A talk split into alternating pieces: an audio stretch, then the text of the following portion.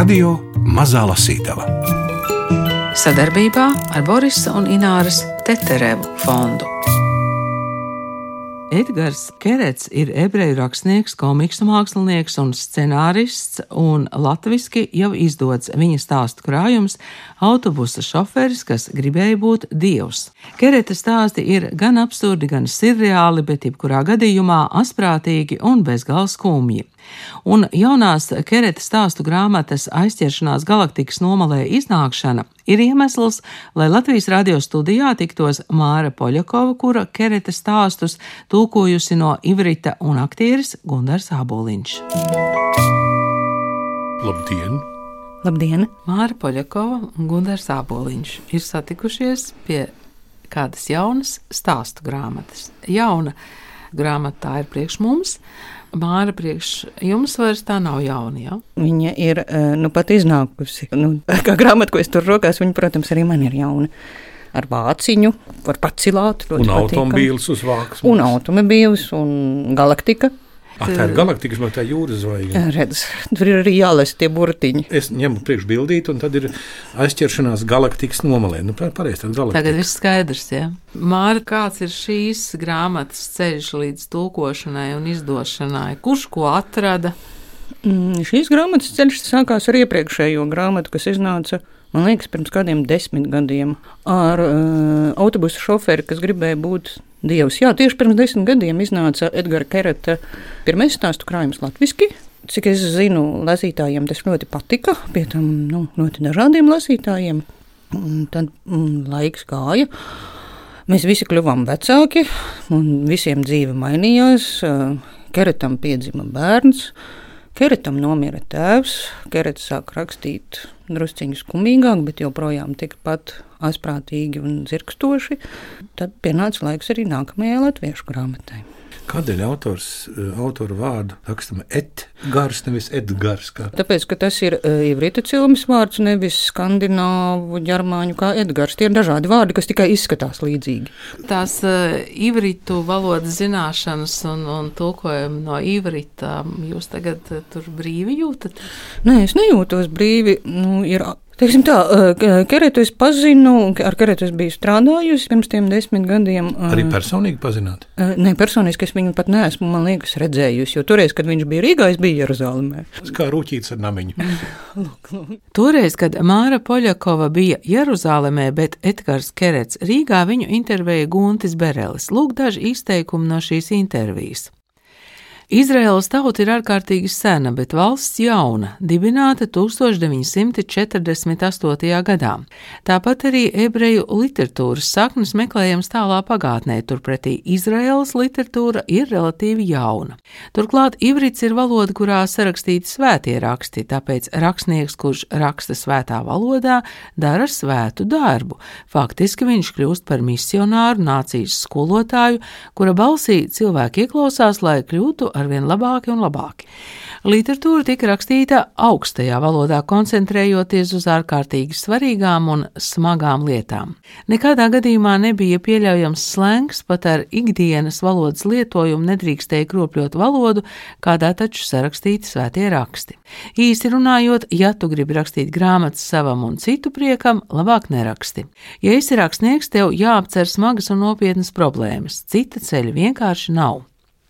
Augot šādas literatūras gaisotnē, pats par sevi saprotams, ka man nebija ne mazākās vēlēšanās kļūt par rakstnieku, jo nejutos gana gudrs, lai aizvadītu kādu mācību līdz tautai. Sāku rakstīt, kad dienēju armijā, un tur man mūždien gadījās visādas ķibeles ar komandieriem, tāpēc bieži nonācu karcerī. Visi gāja mājās, bet es paliku tupam karcerī. Tur es ārkārtīgi daudz lasīju Kafku, Vonnegūtu, Īzaku Bābelu, tā atklāja pavisam pavisam citāda veida literatūru, kas nelīdzinājās ivritā rakstītajai. Lasīju arī ebreju emigrācijas literatūru, Šolomu, Aleheimu, Aizeku Baševicu Zingeru un citus. Lasot šīs grāmatas, es sapratu, lūk, tā es gribētu rakstīt. Nevis par nacionālu mērogu problēmām, bet par cilvēkiem. Un mēģināju rakstīt slēngā ne augstajā valodā, valodā, kādā runā uz ielas un tirgū.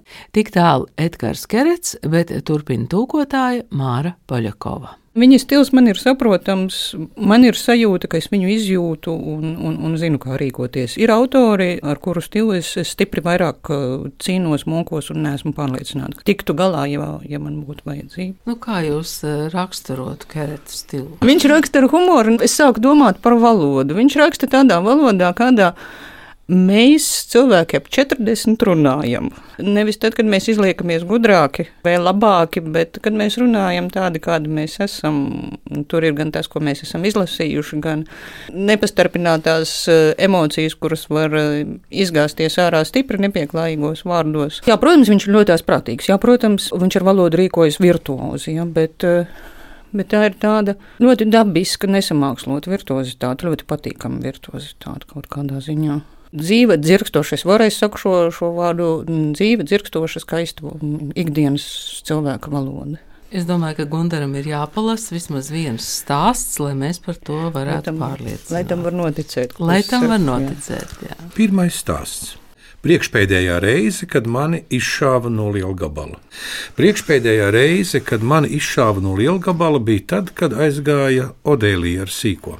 Es tad strādāju par būru tīrītāju Rumāņu cirkā, kas tieši tajā laikā bija ieradies pilsētā. Lauvu būrus pabeidzu pusstundā, lāču arī, bet ziloņu būri bija murgs. Sāpēja mugura un visa pasaule smirdēja pēc sūdiem. Mana dzīve bija pa galam, sūdu smaktai piestāvēja. Kaut kādā brīdī es sajūtu, ka jāņem pauze. Ieviesos kaktā turpat ārpusē pie būra un uztinu cigareti, pat rokas pirms tam nenomazgāju. Kad biju pāris reizes ievilcis, aizmugurē kāds īsi tēloti noklapojās. Tas bija cirka menedžeris. Viņu sauca Idžo, un cirku viņš bija vinnējis kārtīs. Vecajam rumānim, kurš bija cirka sākotnējais īpašnieks, bija trīs dāmas, bet ceturtā bija Idžo. To viņš man pastāstīja dienā, kad pieņēma mani darbā. Ja proti blēdīties, veiksme nav vajadzīga, viņš man teica un piemiedza ar aci. Bija droši, ka Idžo man uzbrauks par to, ka darbā esmu paņēmis pauzi, bet viņš nemaz neizskatījās dusmīgs. Klausies, viņš man teica, gribi nopelnīt vienu vieglu taukšķi. Es pamāju ar galvu, un viņš turpināja. Es tikko biju iegājis pie Ištvana, mūsu cilvēku šāviņa. Viņš ir galīgi piedzēries. Man tā arī neizdevās viņu pamodināt, un pēc 15 minūtēm jāsākas izrādēji. Idžo izplastā plauksta uzzīmēja gaisā šāviņa trajektoriju, kas beidzās ar to, ka viņa druknie pirksti uzsita man papīri. Ja iziesi viņa vietā, es tev iedošu tūkstošu skaidrā. Es nekad neesmu šauts no lielgabalā, es iebildu un ievilku vēl vienu dūmu no cigaretes. Skaidrs, ka esi. Iģo atrauca. Kad tava bijusī no tevis aizgāja, bet tavs dēls tev pateica, ka vairs negrib tevi redzēt, jo tu esi bombzis, kad aizbēga tavs rasnais runcis. Lai būtu cilvēks šāviņš, tev saproties, nav jābūt nelokanam, neveiklam, ne stipram, tikai pietiekami vientuļam un nelaimīgam. Es neesmu vientuļš, es protestēju. Kā tad? Īģo nosmējās. Tad nu pasak man, nu strūns par seksu, bet kad pēdējo reizi kāda sieviete tev uzsmaidīja? Pirms izrādes mani saģērba sudrabotā kombinezonā, pajautāju vienam vecam klaunam ar milzīgu sarkanu degunu, vai tad man pirms izšaušanas nav jāiziet kaut kāda instruktāža. Galvenais viņš atpūpināja, atslābina ķermeni, vai arī sasprindzina viens no diviem. Precīzi neatceros. Un vēl vajag uzmanīt, lai lielkabals būtu notāmēts taisni uz priekšu, citādi aizlidos garām mērķim. Un viss? Es jautāju. Pat sudraba kombinezonā joprojām smirdēja pēc ziloņa mēsliem. Pienāca cirka menedžeris un paplikšķināja man pa plecu. Iegaumē, viņš man teica, kad tevi izšaus mērķī, tu tūlīt pat nāc atpakaļ uz skatuvi, smaidi un klanies. Un, ja diezpas kaut kas sāp vai ir pat lausts, tev visas sāpes jāpatur sevī, jāslēpj, lai skatītāji neieraudzītu. Skatītāji izskatījās tik tiešām laimīgi. Viņi plaukšķināja, kad klauni bāza man lielgabalu stobrā, un garais klauns ar puķi, kas šļakstināja ūdeni man sekundi pirms uguns pielaišanas apjautājās: Tu skaidri zini, ka gribi to darīt.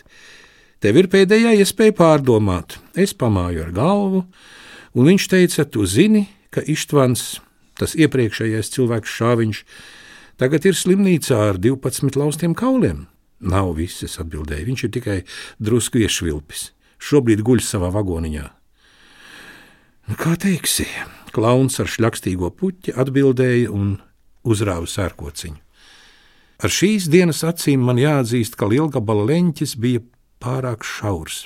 Es nevis trāpīju mērķī, bet lidoju virzienā uz augšu, izplēsu caurumu nospriegotajā telts pārsagā un lidoju tālāk augstu, jo augstu debesīs, mazliet zem melno mākoņu seģenes, kas tās slēpa.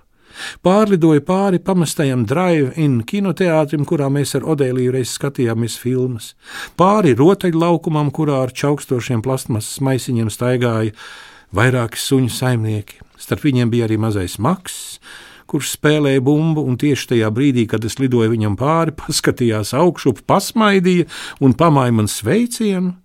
Pāri Jarkonas ielai, kuras malā aiz Amerikas vēstniecības miskastēm ieraudzīja tīģeri, savu rasno runci, kurš mēģināja nomedīt balodi.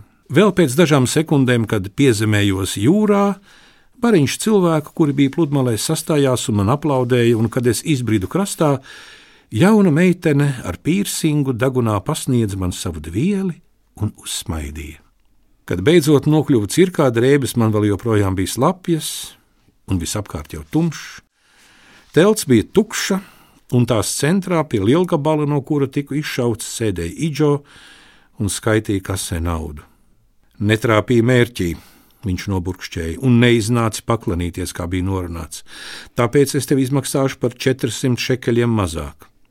Viņš pasniedz man vairākas saņurcītas naudas zīmes, tad apjēdza, ka neņemu pretī, uzmeta man skarbi austrumu eiropeisku skatienu un teica: Ko tev briedi vairāk gribas? Paņemt to naudu vai ar mani salikties? Liecies mierā ar to naudu, Iģo. Es piemiedzu viņam ar aci un aizgāju pie lielgabala stūra gala. Es esmu draugs un izšauj man vēlreiz. Un tomēr tā skumīgi. Tā dāma viņam uzsmaidīja. Māra, mēs pirms uh, ieraksta salīdzinājām iespējamos stāstīņus, ko varētu lasīt.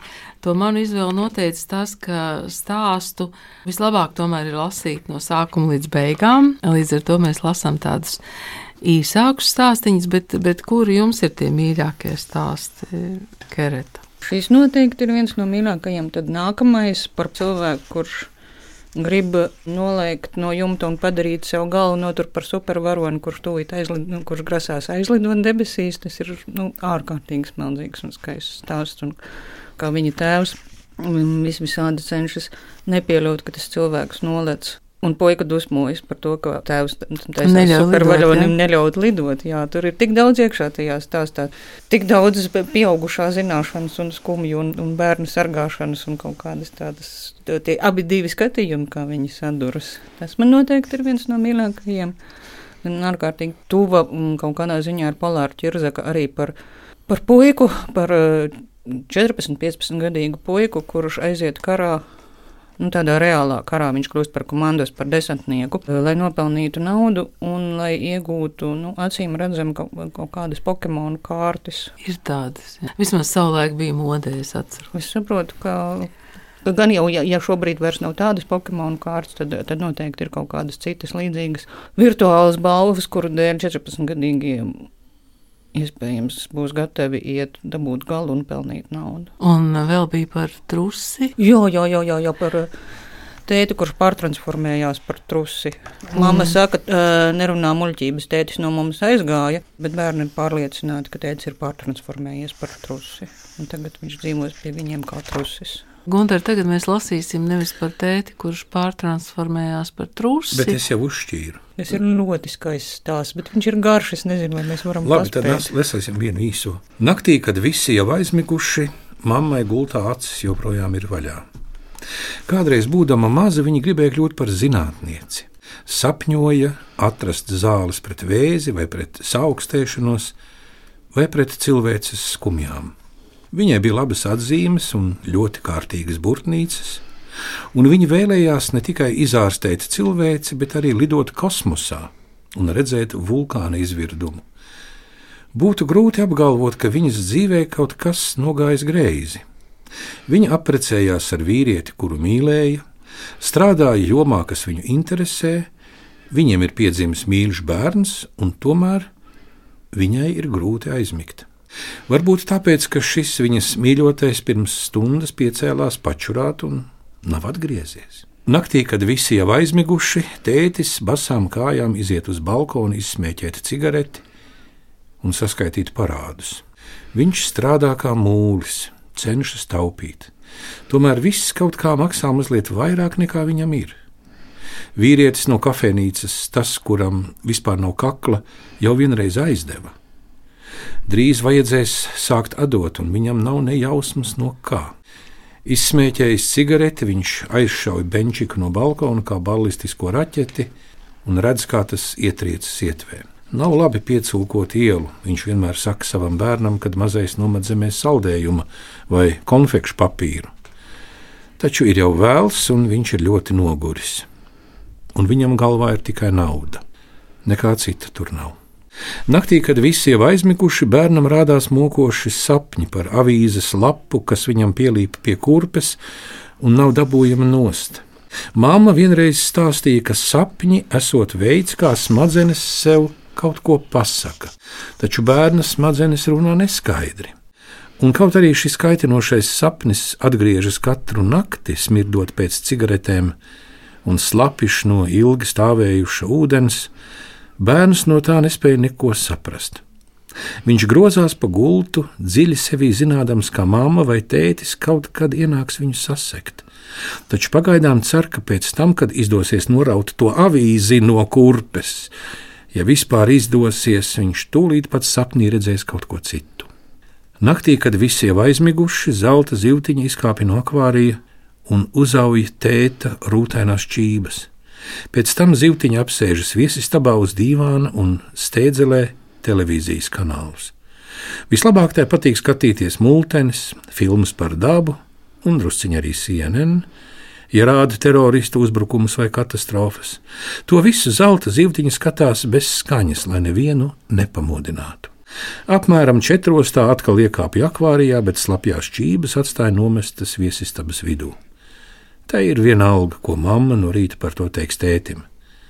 Tā ir zivs, un tai galvā ir tikai akvārijas un televīzija.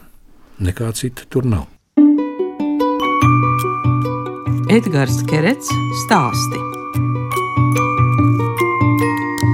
Radio Mazā Lasītava Šķiršanās evolūcija. Vispirms mēs bijām šūna pēc tam amēba, tad zivs, un pēc ļoti ilga un neizturama perioda pārvērtāmies par ķirzaku. Tajā periodā, kā mēs atceramies, zeme bija mitra un līgojās mums zem kājām, un tāpēc mēs uzkāpām kokā. Tur augšā zaros jutāmies droši. Vienā noteiktā stadijā mēs atkal nokāpām un sākām staigāt, izslējušies un runāt, un reiz sākuši runāt, vairs vienkārši nespējām rimties. Pēc tam daudz skatījāmies televīziju, un tas bija brīnišķīgs periods, smējāmies. Lielākoties nepareizās vietās. Cilvēks skatījās un teica, kas ir tik smieklīgs, un mēs pat necentāmies atbildēt. Tik ļoti tas uz mums neatiecās. Mēs paši sev nozvērējāmies atrast darbu, ko iemīļosim, un, kad tādu neizdevās atrast, apmierinājāmies ar darbu, kas mums neriebās, un jutāmies kā veiksminieki. Pēc tam kā nabadzīņi, un pēc tam atkal kā veiksminieki, tad pēkšņi mūsu vecāki palika uz gultas, un pēc tam viņi nomira. Mirkli pirms viņu aiziešanas mēs cieši, jo cieši saņēmām viņu roku un teicām, ka piedodam viņiem par visu. Bet tiešām par visu un to sakot, mums aizlūza balss, jo nebijām droši, ka sakām patiesību, un baidījāmies, ka viņi to jūt. Nepilnu gadu pēc tam mums piedzima dēls, un arī viņš uzrāpās kokā, un zaros jutās droši, un arī viņš kaut kādā brīdī nokāpa no koka un devās uz universitāti. Un tad mēs palikām vieni, un sāka kļūt augsti. Gan ne no tā, ka toreiz sen, kad slēpāmies salās un pa iejām redzējām, kā dinozauri nosalst un nomirst, bet tik un tā augsti. Un mēs gājām uz teātra kursiem, jo mūsu draugi mums stāstīja, ka tas mums nāks par labu. Mums iedeva improvizācijas vingrinājumus, un vienā vingrinājumā mēs viens otru noindējām. Un nākamajā viens otru krāpām. Un trešajā skolotājs, kurš runāja angliski ar stipru akcentu un neskaidri teica, tagad nomainiet pārus, un pēkšņi vienā mirklī vairs nebijām. Tikai biju. Un jaunā sieviete, kura bija mans pāris, teica, uztaisām to vingrinājumu, ka tu esi mans bērniņš, un es tevi dzemdēšu, un zīdīšu un sargāšu no visa ļauna. Un es teicu, nu jā, kāpēc ne? Tieši tad, kad viņi beidz mani dzemdēt, un zīdīt un sargāt no visa ļauna, laiks beidzās, un skolotājs ar to dīvaino akcentu jautāja, vai šis vingrinājums ir mums palīdzējis atgūt pirmotnējās atmiņas, un es teicu, ka nav, jo negribēju atzīt, ka tas man palīdzēja atgūt atmiņas no miljoniem gadu tālas senatnes, vēl pirms kontinenti vispār bija sākuši atdalīties. Un pēc tam mājās mēs par kaut ko dumju sastrīdējāmies tik briesmīgi, kā kopš mūsu rašanās nebijām strīdējušies. Gan kliedzām, gan raudājām, gan daudzījām lietas, tādas, par kurām, ja jūs pirms tam pajautātu, mēs būtu apgalvojuši, ka tās vispār nav salaužamas un pēc tam mēs paņēmām mūsu mantas un salikām koferī, un to, kas koferī neielīda, sabāzām lielveikalu maisos, un to visu aizvilkām sev līdzi, gluži kā bezpajumtnieki. Pie mūsu drauga, ļoti bagāta, un viņš mums uzklāja izbalējušu palagu uz sava glaunā viesistabas dīvāna, un draugs mums teica, ka varbūt šobrīd tas izskatās kā pasaules gals, bet līdz rītam dusmas un aizvainojums izklīdīs, un viss izskatīsies citādi. Mēs viņam atbildējām, ka tā nebūs, ka tur kaut kas ir salūzis, kaut kas ir sadauzīts, kaut kas tāds, ko nemūžam nevarēsim sadziedēt vai salabot. Un draugs aizkūpināja gāru un dievu cigareti un teica, ok, pieņemsim, bet, Klau, starp citu, kāpēc tu visu laiku runā daudz skaitlī? Un es tā vietā, lai atbildētu, paskatījos apkārt un ieraudzīju, ka esmu pavisam, bet tā ka pavisam viens. Ar to arī grāmata beidzas. Ar to, ka pavisam viens. Un ka nomira vecāki un piedzima dēls. Un arī aizgāja uz universitāti. Un arī nokāpa, Nokāpa no, no koka koka un un aizgāja uz aizgāja uz universitāti. Edgara Kereta stāstu krājumu aizķeršanās galaktikas nomalē no Ivrita tulkojusi Māra Poļakova izdevis Jāņa Rozes apgāds. Par Keretu vēl lasāma kāda interesanta ziņa. Varšavā starp divām 11 stāvīgām mājām atrodas Kereta māja, artefakts un atgādinājums. Iespējams šaurākais nams pasaulē. Platākajā vietā tā ir 152 cm plata, šaurākajā 92 Māja atrodas tajā pilsētas daļā, kur kādreiz bija ieeja Varšavas geto. Tur Kereta māte kā bērns centās ienest maizi savai ģimenei. Tūkotājs Mārs Poļakovs aktuālajā tūkotājas plauktā ir grāmatas arī ukraiņu un baltkrievu valodā. Rudenī būs vēl viens žadans, būs arī žadana romāns internāts. No ukraiņu valodas. No ukraiņu valodas tieši tā. Par to karu, kas sākās 14. gadā un joprojām turpinās. Rakstīts 15. gada beigās, 16. sākumā. Un darbība notiek Ukraiņas austrumos. Vēl kaut kad šogad būs šoša. Tas ir tāds pavisam dīvains. Tas jau no, no Ivrīta.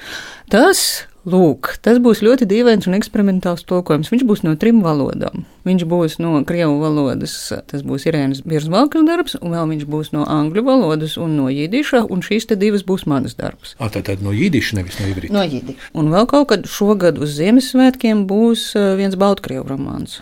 Man nezinu, kā viņu sauks, iespējams, ka viņu godīgi sauks Baltkrieviski Mova. Un tas būs no krievu valodas. Tas būs no Baltkrievu valodas. No Baltkrievu. Tas būs mans pirmais mēģinājums pievārēt Baltkrievu tekstu, kas ir garāks par šitādu mazu gabaliņu.